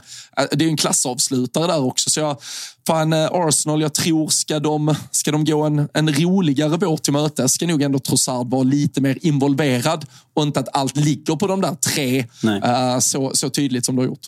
Alltså, till att börja med, det, det, är ett otroligt mål och där ser man liksom kanske lite, även om Raja bär fötterna, men liksom den där instinkten. Man ser direkt hur, hur, hur snabbt han vill sätta igång och eh, jag kommer inte ihåg vem det är som, den som passar Trossard. Men det, är ett, ja, nej, men det, det, är ett helt otroligt fotbollsmål. Och jag, vi har ju pratat lite om det där att, att den här fronttrion, de är liksom Jesus kan göra sina medspelare bättre men att de, det känns som att de spelar ganska mycket för sig själva. Medan om man kollar på City och kanske framförallt Liverpool, att det är, liksom, ja, men det, det är en fronttrio, det är en enhet. Och jag känner ju på något sätt att Trossard är lite bättre om vi pratar det här. Nu ska jag försöka prata ett språk som de här eh, division 5-tränarna gärna vill prata och liksom försöka liksom analysera fotboll på en, på en modern sätt. Men liksom, han är bra på att transportera boll. Han är liksom inte om vi säger att Bruno Fernandes är motsatsen till att vara bra på att transportera boll. Alltså Gabriel eh, Martinelli spelar väldigt mycket på chans och direkt och kan tappa bollen ganska mycket. Trossard är en bättre kombinationsspelare och bättre på att hålla bollen och transportera den, vilket jag tycker är väldigt viktigt för Arsenal. För att Saka går väldigt mycket själv. Liksom ben White kan absolut. Eh, Jesus är liksom, ja, en, en relativt bra länkspelare, men jag tycker att eh, det, är så, det är så lätt att vara jävla kappvändare efter att han gör en bra match nu och Arsenal gör det. Men sett till att Martinelli bara har två plus två eh, inför den här matchen och det, det går liksom, behöver inte bara peka på siffrorna, även prestationerna har varit sämre än tidigare år. Så jag, likt dig, är förvånad att inte, att inte Trossard har spelat mer än vad han faktiskt har gjort. Men jag tycker det är väldigt ja. mycket, jag skulle bara säga, väldigt, väldigt lik eh, Diogo Jota i många avseenden med det. Alltså att han kan bryta mönster genom ja. att ta bollen på foten och driva diagonalt eller driva ner den djupt. Han, kan, han är inte så alltså fixerad eh, om vi säger positionsmässigt som, som Martinelli säger. Det är väldigt tydligt vad som ska göras. Sen är de så pass bra på det de ska göra. Så i form framförallt så vinner de ju de en mot en duellerna. Det blir farliga målchanser. Men direkt då kanske tappar lite i ja, det, det där sista för att hela tiden vinna de duellerna. Då blir det väldigt, du blir väldigt isolerad ute på de kanterna och så fastnar du nere i hörnen. Men jag tycker Trossard som sagt, jag tycker han bryter lite mer mönster. Jag har ja, alltid gillat honom och tror, tror som sagt att Arsenal ska, ska använda sig lite mer av honom eh, för att den här säsongen ska ta, ta mer fart. Jota är en häftig fotbollsspelare. Som det, liksom, det är svårt att sätta fingret på exakt vad han är bra på. Det är lättare med en spelare som Martinelli, men jag, jag gillar jämförelsen. Eh, men gällande Saka, alltså vi har pratat lite om den här, eh, jag och Robin. Men fan, eh, in och kommentera i kommentarsfältet så vi får igång lite diskussioner. Både på Twitter och Instagram såklart, där vi rekommenderar er att, att följa oss. Jävla reaktion när, när Östergötlands största värvning gjorde, gjorde comeback i Dagsbergs IF senast. Man, man, man, man vet att vi, alltså, man vet att vi egentligen bara borde liksom fimpa allt som har med Premier League göra. Folk vill bara ha, liksom, de vill bara ha skönt sur där ute. När det är det som liksom tar, tar ska, över. Ska vi uppdatera min fotbollssäsong så här efter varje? Alltså det, det roliga Svanen skrev det ju alltså, alltså det finns ju likheter mellan mig och Harry Maguire på den där bilden. Den är så jävla ful. Alltså jag, nej, jag tycker den är, den är dunderbra. Wilbacher tyckte styrelsen skulle avgå. Och det, var, nej, det är fint att man blir stöttad när åldersnojan fyller 33 om, ja, nu är det typ om 40 dagar. Så är det kul att åldersnojan, om man bara, inga så här, fan vad kul, nej, blir bara sågad. Men det jag skulle säga, diskutera, diskutera vad ni liksom, Saka, är det att Kanske att han har kommit in från början i ett dysfunktionellt Arsenal och varit liksom, han blev en talisman för tidigt. Och liksom eh, förra säsongen att han kanske har blivit lite överhypad när han jämförs med de allra bästa. Har han liksom en off-season eller är han på den yttersta världsnivån och liksom ska vara given i det engelska landslaget? Diskutera gärna vad ni, vad ni tror gällande Saka, för jag tycker att det är intressant. En del av mig tycker att han är helt fenomenal för att i nästa sekund, ja, men om man ska jämföra med de allra bästa, exempelvis Mohamed Salah i Liverpool som spelar på samma position, Vinicius Junior som spelar i Real Madrid på liknande Mbappé. Liksom, nu pratar vi en högsta, högsta, högsta hylla, men ibland känns det nästan som att Arsenal-supportrar vill, när de, eller man kanske inbillar sig att han är på den nivån. Så skriv gärna vad ni tycker, både ni som håller på jag... Arsenal och ni som håller på andra lag, vad ni, vad ni, vad ni tycker om Saka. Ja, och det, det, kan vara en diskussion som kan få, få fortsätta någon annan. Men det jag tycker, det är att jag, jag tycker som fotbollsspelare så, så är han kanske lika, alltså vem som är bäst och är han exakt där uppe? Fan vet, det är, det är inte säkert. Men jag tycker ändå som fotbollsspelare och prestationer alltid i stort sett är där uppe. Däremot det han inte har är ju att, alltså poänggarantin även när han är dålig. Det har vi pratat om med Mohamed Salah. Det känns som att han har varit usel och så tittar man, äh, fan det var ändå sju mål de senaste tio. Liksom. På Kajusaka så är det ju tyvärr då ett mål de senaste tio. Det, det, det, kan du inte ha om du ändå ska hållas som en topp, topp, toppspelare i, som spelar i en fronttrio i ett lag som ska utmana om Premier League, Champions League. Då måste det nog fan ändå trilla in fyra, fem bollar även när det går som allra, allra sämst. Och det, det är väl det han saknar, äh, tycker jag i alla fall, för att hållas som de absolut högsta. Ja, sen, han är ju fortfarande jävligt ung. Man glömmer bort det för att han har fått för mycket ansvar på sina axlar. Det, det tycker jag att man ska ha med sig när man... När man jag, jag, jag, jag sa ju väldigt länge att jag håller Emil Smith-Rowe som en större talang. Jag liksom tyckte att han såg ut som en modern fotboll, fotbollsspelare och liksom kände att Saka var överhypad för att Arsenal var svältfödda likt jag själv är med Kobe Maino nu. Att jag, liksom inte, jag såg det inte. Jätteduktig men inte på den nivån. Men alltså, det har man ju fått äta upp. Ja, alltså, men på tal om honom, borde inte Smith Rowe tvinga till sig en flytt nu? Alltså, West Ham snackas det om va? West Ham ja, men lite West Ham, Aston Villa har det pratats om. Mm. Ja, men alltså, jätterimligt steg. Kliv ner till en typ topp 8-klubb istället. Ja, verkligen. Få spela vecka in, vecka ut. Vill Arsenal inte sälja nu så ja, jag fattar också, de behöver ju kanske ha numerären inför våren, men eh, trots allt, det är, det är ändå bara Champions League och Premier League. De ska inte spela något annat inhemskt kuppspel här längre under våren. Så, eh, nej, och de borde ändå vilja, vilja visa upp honom som fotbollsspelare. Antingen om de själv ska satsa på honom eh, efter sommaren eller sälja honom. Det, jag tror inte han har någon framtid i klubben. Alltså det, det, jag vet att han är egen det, produkt, men liksom, gör han ett bra halvår i West Ham nu så får ju, de får ju typ 40 miljoner miljoner för honom. 35. Exakt. Ja, ja eh, och just nu så... vågar ingen köpa honom för att han inte får spela någonting och har varit skadad så länge. Jag, jag såg liksom likheter, ja, men så här en väldigt modern spelare, one-two som Fredrik Ljungberg säger, liksom pass and move. Liksom, spela och sen röra sig och väggspela och liksom lite Mason Mount över honom. Och vi vet liksom innan Mason Mounts decline förra året, nu är mycket anglicismer på formen, jag ber om ursäkt. Men eh, eh, Mason Mount, alltså vilken tränarfavorit han har varit för Southgate. Liksom, han har ifrågasatt liksom Phil Foden borde spela, men han har spelat Mason Mount för han är, han är bra på så jävla mycket saker som man inte ser. Tycker att Emil Smith Rowe när han kom fram i Arsenal hade väldigt mycket av, eh, av de attributerna. Så jag hoppas verkligen att han eh, kommer tillbaka för det var en, det var en fin spelare som jag gillade att kolla på. Mm, ja, vi, får, vi får se. Vi får se om det kanske blir då West Ham, eh, sista laget eh, och eh, matchen vi inte har pratat om här idag. Sheffield United kniper till slut en poäng, 2-2 på Bramall Lane efter att Early McBurney dunkade dit en straff. Skönt med de här matcherna Fabian, där man kan missa typ 85 minuter, slår sig ner sista kvarten och så känns det som att man har sett allt och lite till och man har egentligen samtalsämnen för ett helt avsnitt ifall man nu skulle känna att Sheffield United West Ham förtjänade den tiden. Det gör det inte, men satan vad det eh, liksom eh, small och det hände grejer och det var röda kort och det var straffar till höger och vänster. Tydligen första gången sedan 2007 det delas ut vars en straff, vars ett rött kort till båda lagen i en match. Så på något sätt lite historiskt det som skedde idag.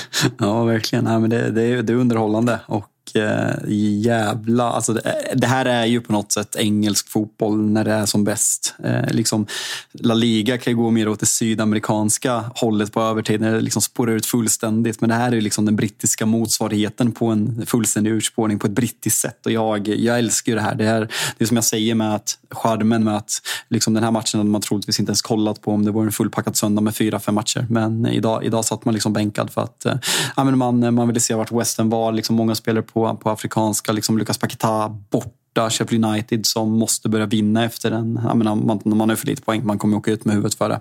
Ny tränare och allting som ändå har fått den. Alltså, även om man inte tagit poängen har det sett lite mer stabilt defensivt ut. Men nej, jävla, jävla rolig match. Och Jerry Bowen som var tveksam, liksom skadade sig i FA-cupen va? Eh, mm. Var ju sur liksom innan att det skulle kunna missa både två och tre omgångar. Men eh, gick rykten i morse att han hade rest med, med, med truppen och då, då skrev ju folk att han reser inte om han inte är redo för att starta. Så eh, viktigt för West Ham att få Jerry Bowen tillbaka. Den är ing start. Jag gästade United-podden med Micke och gänget förra och Micke bollade ju upp eh, Danny Ings på korttidslån. Jag bara, så, vart fan spelar han ens? Är han i West Ham? Alltså, man, bortglömd, eller hur? Vänta du, i Manchester United-sammanhang ja. pratar ni just nu om att värva Danny Ings på lån. Jag tar, inte, jag, jag tar inte ansvar för detta. Vad fan händer? Och, och, och, samma människa kan vara positivt inställd till framtiden. Det är ju helt sinnessjukt. Micke, har fan spelat elva matcher då. Jag, fan, det känns inte Nej, det, det, det, det, är väldigt sporadiska inhopp, ska sägas. Och, och, det är ju bara de här senaste skadorna emot att han eh, nog skeppades här i, i januari. Det, ja. det är inte mycket till fram till Men visst, alltså, bortglömd. Du, tänker inte på, du ligger inte och tänker på Danny Ings om nätterna? Nej, det är, inte, det är inte ofta jag gör det. Och det, det var ju en match eh, med eh, alltså, en samling usla anfallare. Alltså Danny Ings, med all respekt för att han ändå har åstadkommit någonting liksom i historien. Det var ju även då före detta Liverpool-spelaren Ryan Brewster. Han, han stal ju rubriker med hur han avslutade den där matchen. Och sen Ollie McBurney det är ju en av de sämsta spelarna som någonsin har spelat i Premier League. Ändå stor också, ja, men också när det kommer upp då, han ska ta straff i 95 minuten eller vad fan det är. Man säger liksom, missat tre av fem straffar. Vad fan får han chansen för igen? Alltså, för att han är Olle McBurney. Ja, ja, verkligen. Men äh, nej, så det, det var ju en samling riktigt usla anfallare äh, på den där planen. Men Alltså, vi, jag tycker fan, du och jag tog, vi tog tidigt eh, ställning mot eh, alltså de felaktiga, alltså de, de liksom för taskigt utdelade gula korten som, som kommer. När, alltså situationer där det är fula smällar och sen är det den som typ säger men hallå domaren, det, var, det kanske ska mm. vara frispark här du. Så är det han som får gult. Alltså, Rian Brewster försöker ju, han, han försöker mörda Emerson Palmieri. Vi kör, vi kör en, är det Andreas Alm som kör mörda där ute när Jonas ja. Olsson tar något stryptag. Rian Brewster och försöker mörda Emerson här. Det blir gult kort från domaren först. Sofall är framme och säger, alltså, hallå, eh, eh, ser du vad som händer till domaren? Domaren får sin hjälp av varummet såklart ge det solklara röda kortet. Kommer säkert till och med bli extra avstängd på Brewster, kan jag, kan jag tänka mig i alla fall. Alltså det är så mycket våld och idioti i det där.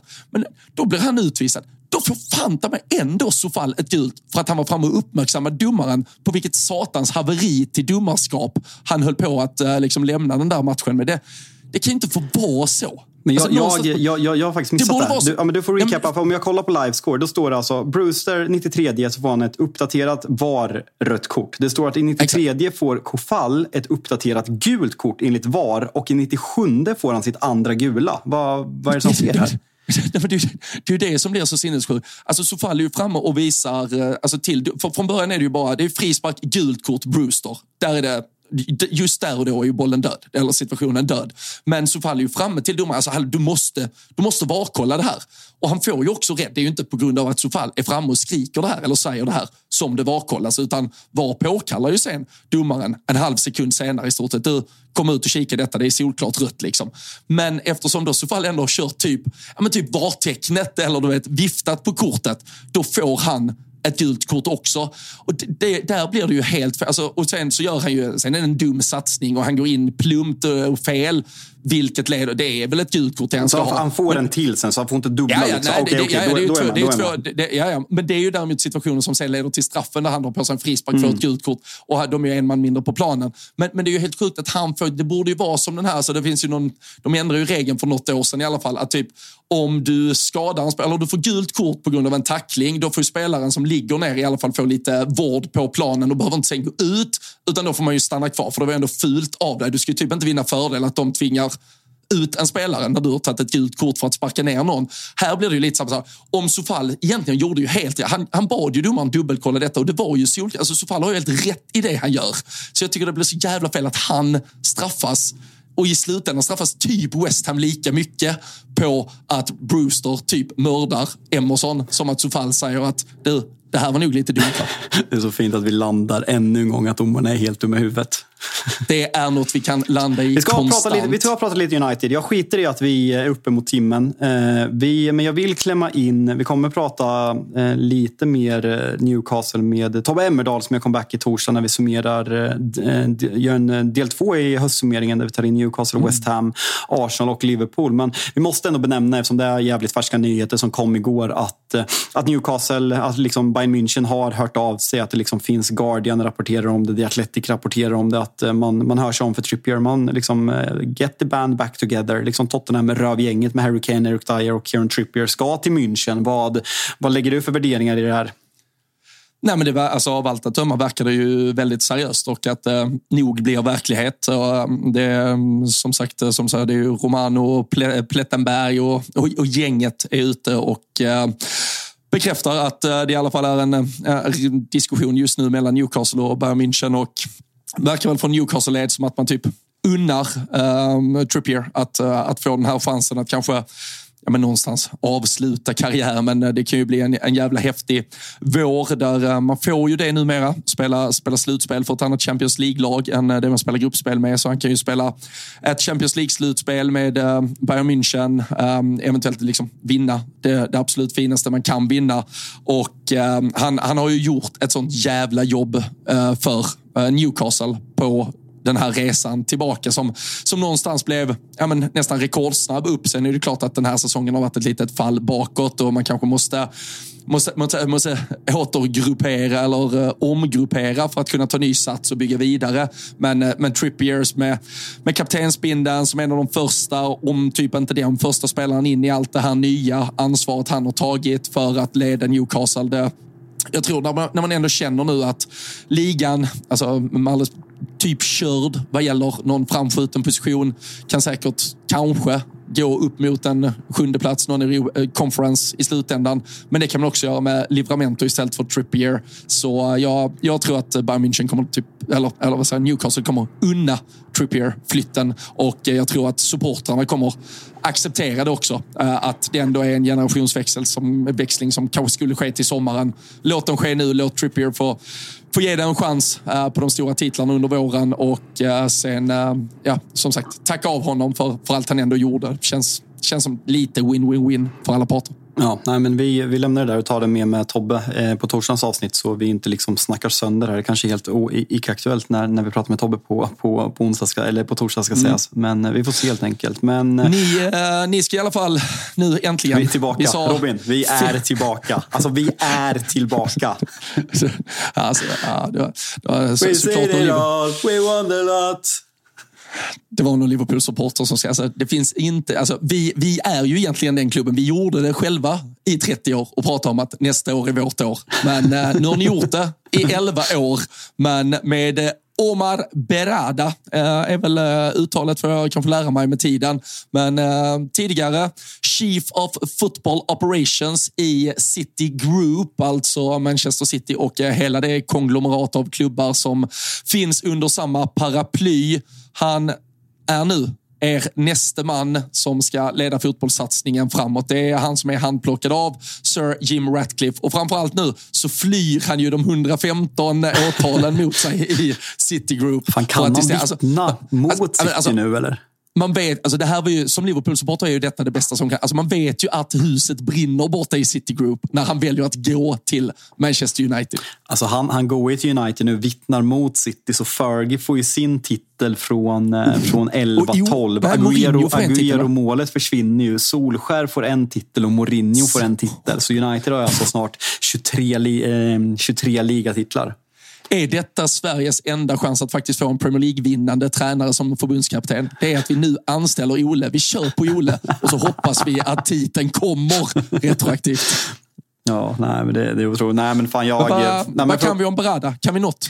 Nej, alltså ska jag vara helt ärlig så hade jag inte hört talas om honom. Det är liksom Chichi Be- Be- Bergstein och eh, de- den här andra som jag inte har namnet i huvudet på som har varit liksom ansiktena utåt. Eh, Omar Berada har varit, likt många i Citys eh, ledning och styrelse, i Barcelona under den framgångsrika tiden mellan ja, men, runt 08 när man vinner allt som man kan vinna under Pep Guardiola. Och enligt många liksom, med insyn i Manchester City så ja, men, sågs Omar Berada som efterträdaren som liksom skulle ta den här vd-rollen i Manchester City och leda fotbollssatsningen. Så det är, en, det är ett jävla statement av eh, Manchester United och eh, Ineos att man att man så tidigt kan lösa det här och eh, jag, jag vill vara tydlig med att säga att jag, jag har fan inte sagt nästa år i 11 år för jag har hånat Liverpool-supporter i hela min uppväxt som har sagt nästa år. Så jag har, varit, jag har fan inte trott att vi ska vinna ligan ett enda år. Det, det vill jag vara väldigt tydlig med att säga. Men det här är på en ny nivå i saker som ger mig hopp. Alltså, det, det är någonting som Glazers har har ifrågasatts för och kritiserats att eh, man har spenderat pengar men det har varit klubbens pengar. Men problemet har varit att man har tillsatt personer som inte kan hantera de rollerna. Att det bara liksom varit ja, men, folk liksom, som är inne i det kommersiella. Med först Ed Woodward, sen Richard Arnold och sen, liksom, ja, men sen skulle John Murtog och Darren Fletcher liksom sätta liksom, den sportsliga ledningen. Och så här. John Murtog kom från Everton. Alltså så här, man, man kan visst vara jättebra, men liksom, vad talar för att han ska konkurrera med de bästa i världen? Liksom, när City liksom, handplockade de, som byggde upp Barcelona, som går att argumentera för att det var världens bästa lag genom tiderna och liksom hela La Masia liksom, som utvecklats. Och liksom, det bara pumpade ut 16-åringar som, som debuterar för Barcelona vecka efter vecka. Så att, att få en sån här som går från världens just nu bästa klubb till Manchester United är ett ställningstagande. Det säger någonting om varumärket Manchester United, anledningarna varför han gör om det har någonting med rädsla för Citys framtid. Jag vet inte, men han ska ju ha varit extremt involverad i att liksom, eh, utveckla Citys eh, eh, akademi, ungdomsverksamhet, liksom hela Etihad Campus. Han var liksom den personen som pekas ut som låg bakom, liksom, inte värvningen av Håland, men liksom den som ja, men var med och liksom ansiktet utåt för förhandlingarna och fick till en deal med Håland. Så nu är en väldigt högt uppsatt eh, person i Manchester City, så det känns, det känns jättebra. Mm.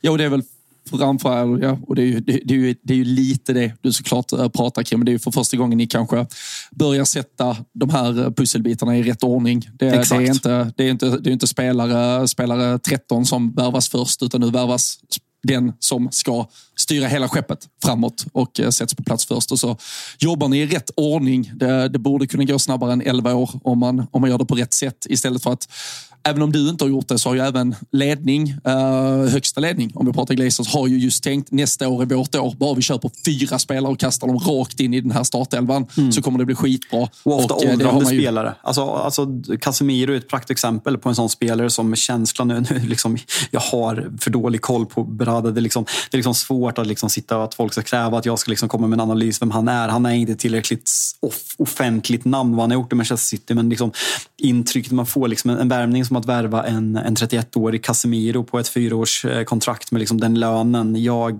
jag tror att det är slutet på de, den här typen av värvningar. Jag tror att vi kommer att få se en helt ny sak och sen ska en technical eller sporting director, vad nu skillnaden är, tillsättas utöver det här. Men det, det, det känns så jävla positivt att man börjar i rätt ände. Man, man inser liksom problematiken med vilka som har haft de här rollerna och jag hoppas ju vid, vid gud att John Murtog försvinner för liksom Ferguson ska ha ett problematisk relation till honom. Han har liksom, ja, men lyckats snacka sig igenom alla tränare sen David Moyes och hamnat på en topposition trots att han har genomfört ett jävla pissigt jobb i stort sett överallt. Så jag hoppas att han flyger långt åt helvete. Darren Fletcher, han kan vara en... Ja, men så här, varför är Darren Fletcher fortfarande i klubben? Alltså så här, varför är Darren Fletcher med och tränar ibland? Liksom så här, det är jättekul. Jag älskar Darren Fletcher. Det var en av mina favoritspel. Jag har två Darren Fletcher-tröjor. Men ska han liksom ansvara för förhandlingar och liksom bygga vår strategi? Jag tycker att det är parodiskt. Och det är det som visar att Ineos och Jim Ratcliffe med ja, men att de vet vad de gör. Eh, vilket är väldigt, väldigt, väldigt positivt. Mm.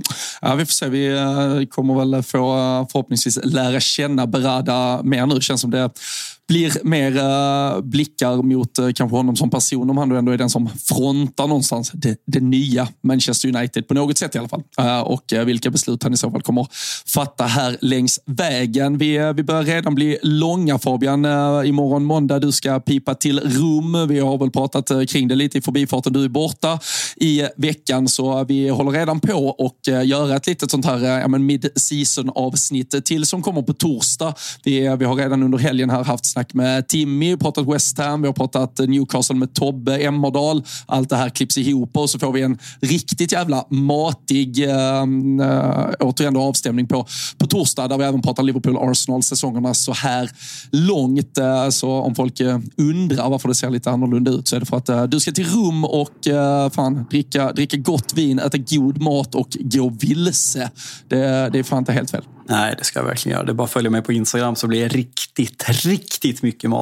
Eh, riktigt, eh, riktigt odrägligt ska jag vara. Men, eh, nej, det ska bli fint. Ehm, Planet går 11 imorgon mm. så jag, jag, det, ska bli, det ska bli fint comeback. 15 grader och mm. sol också, så ska inte klaga. Men du, eftersom du är på så soligt och gött humör och jag vill ju såklart inte skicka dig till rum på det humöret. vem av Darwin Nunes och Diogo Jota ska bli Lad of the Week? Oh.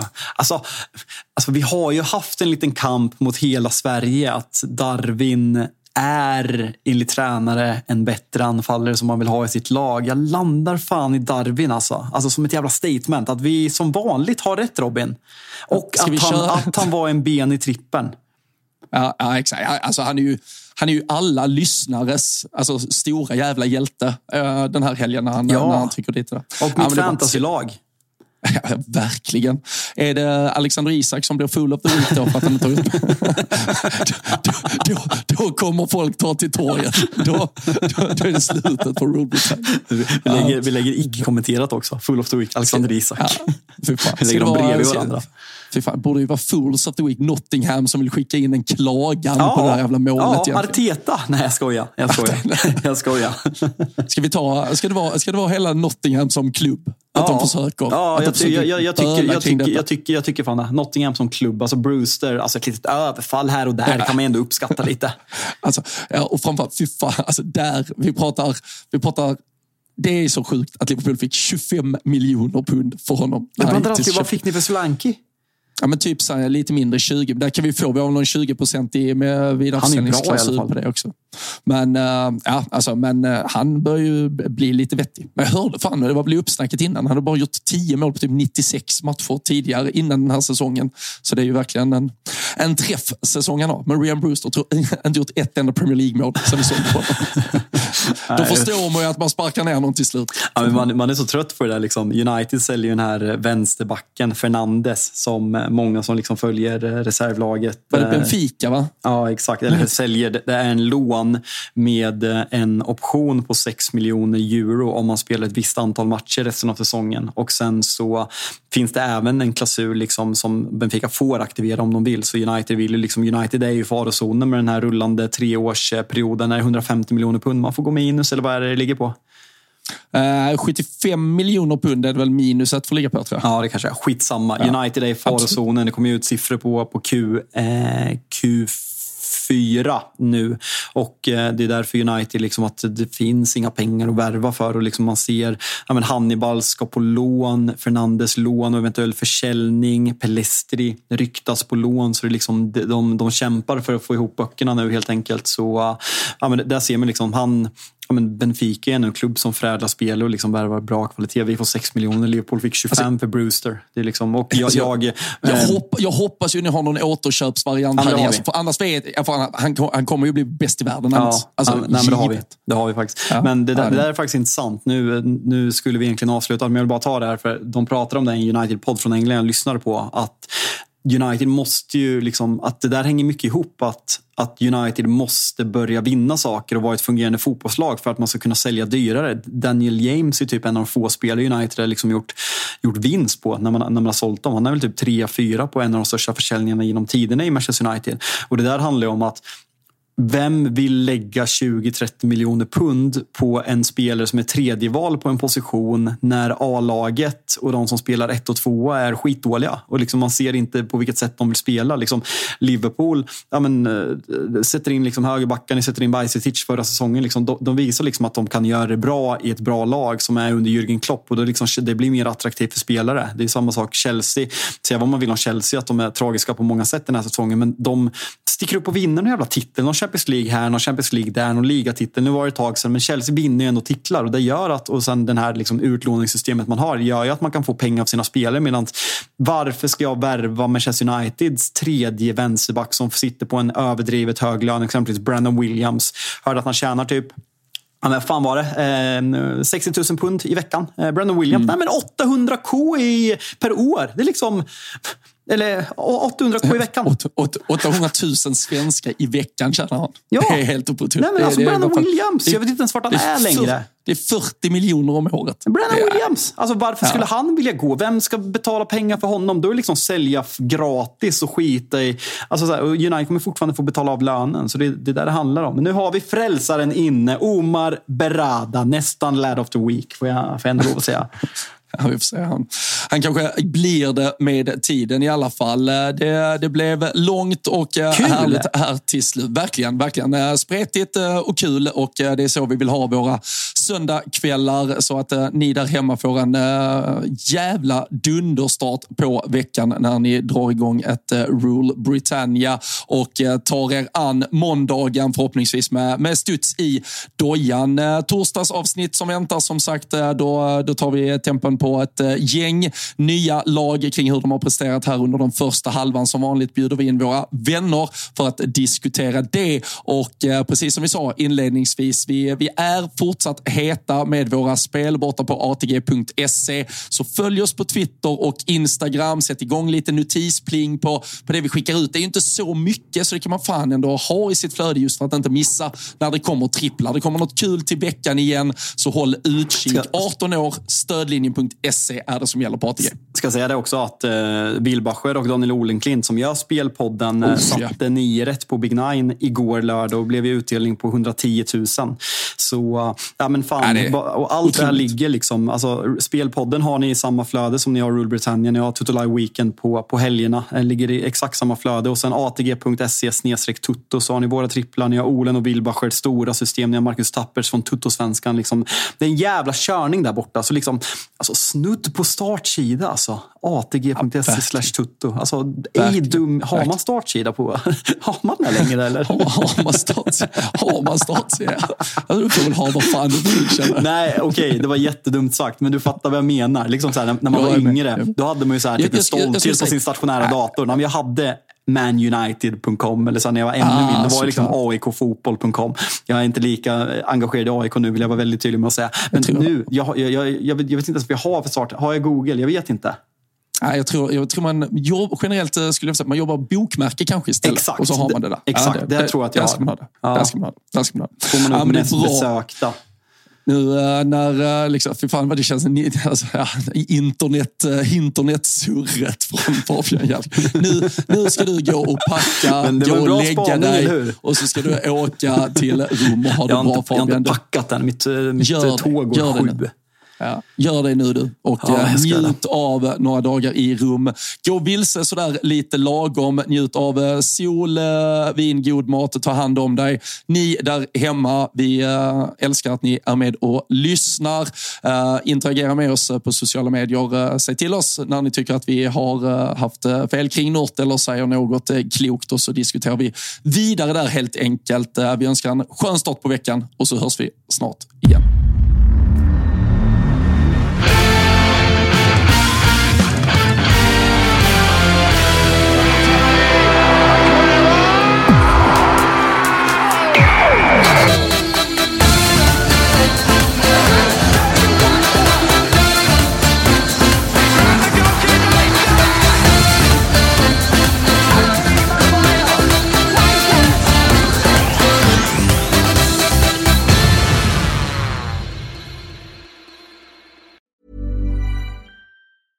Small details are big surfaces. Tight corners are odd shapes. Flat, rounded, textured, or tall. Whatever your next project, there's a spray paint pattern that's just right. Because Rust new Custom Spray 5 and 1 gives you control with five different spray patterns. So you can tackle nooks, crannies, edges, and curves without worrying about drips, runs, uneven coverage, or anything else. Custom Spray 5 and 1 only from Rust Mom deserves the best, and there's no better place to shop for Mother's Day than Whole Foods Market. They're your destination for unbeatable savings, from premium gifts to show-stopping flowers and irresistible desserts. Start by saving 33% with Prime on all body care and candles. Then get a 15-stem bunch of tulips for just $9.99 each with Prime. Round out Mom's menu with festive rosé, irresistible berry chantilly cake, and more special treats. Come celebrate Mother's Day at Whole Foods Market.